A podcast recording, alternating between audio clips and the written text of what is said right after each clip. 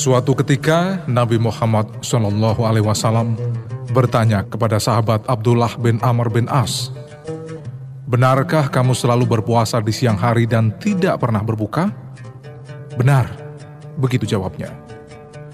Cukuplah berpuasa tiga hari dalam sebulan, kata Nabi. Sebagai orang muda yang penuh vitalitas, Abdullah menanggapinya dengan bangga. Iya Nabi, aku sanggup melakukan lebih banyak dari itu.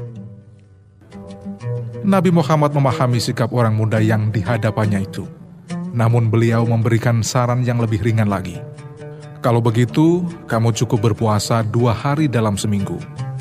Namun lagi-lagi Abdullah berkata, aku sanggup lebih banyak lagi. Jika demikian, lakukanlah puasa yang lebih utama, yaitu puasa Nabi Daud. Puasa sehari, lalu berbuka sehari setelah berdiam sejenak, Nabi melanjutkan pertanyaan. Benarkah kamu membaca Al-Quran sepanjang malam sampai tidak tidur? Benar, begitu jawab Abdullah. Perbuatanmu itu baik sekali, tapi aku khawatir kamu akan jenuh membaca Al-Quran, terutama bila telah tua nanti. Sebaiknya kamu membaca Al-Quran sampai khatam selama satu bulan. Kalau kamu bisa lebih cepat, khatam dalam sepuluh hari. Dan kalau bisa lebih cepat lagi, khatam dalam tiga hari.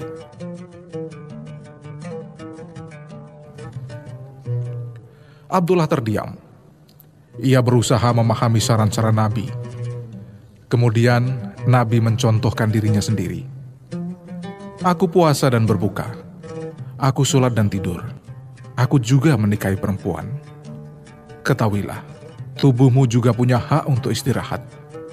Maka siapa yang tidak suka sunnahku, tidak akan termasuk dalam golongan umatku.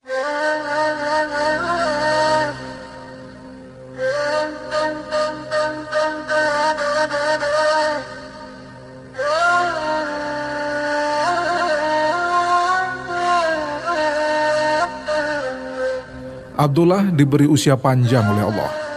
Ia masih segar bugar ketika Ali bin Abi Thalib menjadi khalifah keempat dan ia ikut terlibat dalam perang Siffin sebuah tragedi perang saudara antar umat Islam yang melibatkan kafilah Ali dengan pembangkang Muawiyah.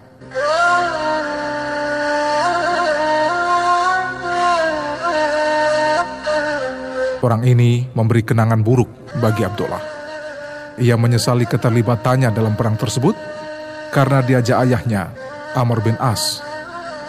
Ayahnya yang dekat dengan Muawiyah berambisi menduduki jabatan gubernur di Mesir. Karena didesak ayahnya, Abdullah akhirnya berangkat. Namun ia berjanji tidak akan membunuh sesama muslim karena niatnya cuma satu, ingin mati syahid.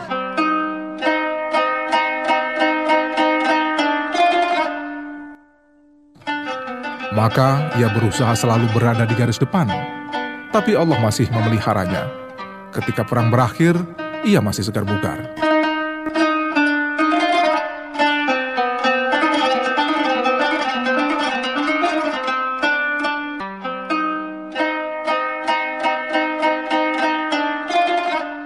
Ia terpaksa meninggalkan peperangan karena kecewa berat oleh sebuah peristiwa yang sangat menyinggung perasaannya.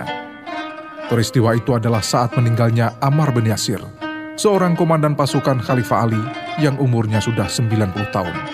Ia sahid sebagai sasaran tombak orang dari Bani Silsik yang berpihak kepada Muawiyah.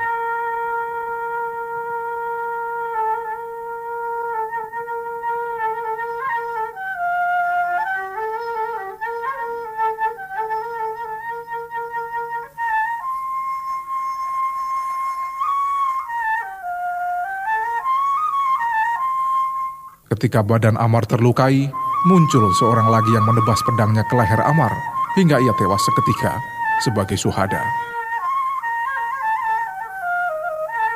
Begitu mendengar kabar bahwa Amar gugur, Abdullah mengingatkan orang-orang Muawiyah terhadap peringatan Nabi beberapa tahun sebelumnya, bahwa orang yang membunuh Amar termasuk golongan orang durhaka dan pasti masuk neraka.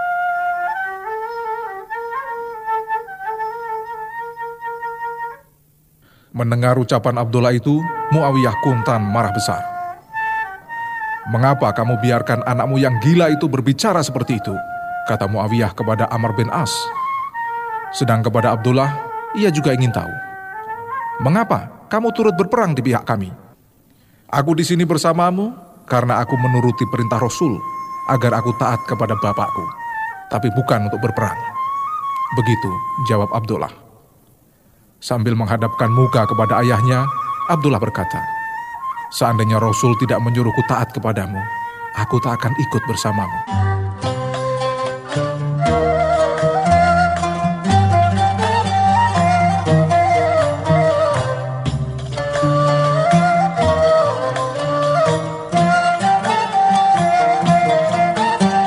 Ternyata kematian Amr bin Yasir itu menjadi bahan pembicaraan di kalangan tentara Muawiyah yang apabila dibiarkan akan membahayakan Muawiyah sendiri.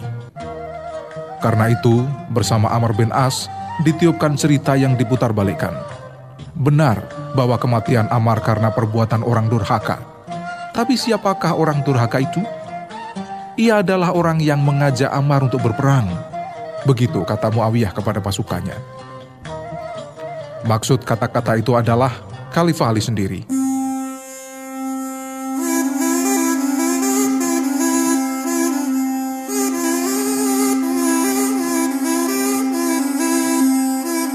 Dalam suasana kacau balau, logika semacam itu dengan mudah diterima akal, sehingga tidak timbul pertanyaan macam-macam dan pertempuran dapat berjalan lagi.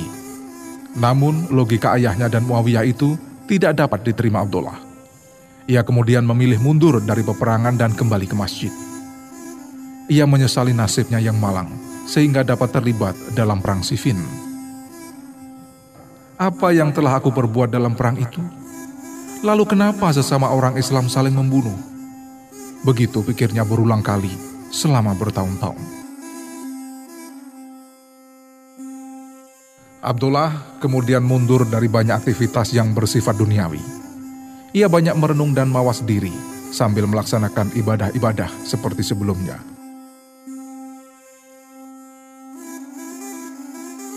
Abdullah bin Amr bin As wafat dalam usia 72 tahun di sebuah musola ketika sedang bermunajat. Senyum yang tersungging di bibirnya menunjukkan jiwanya tenang ketika ia menghadapi sakaratul maut.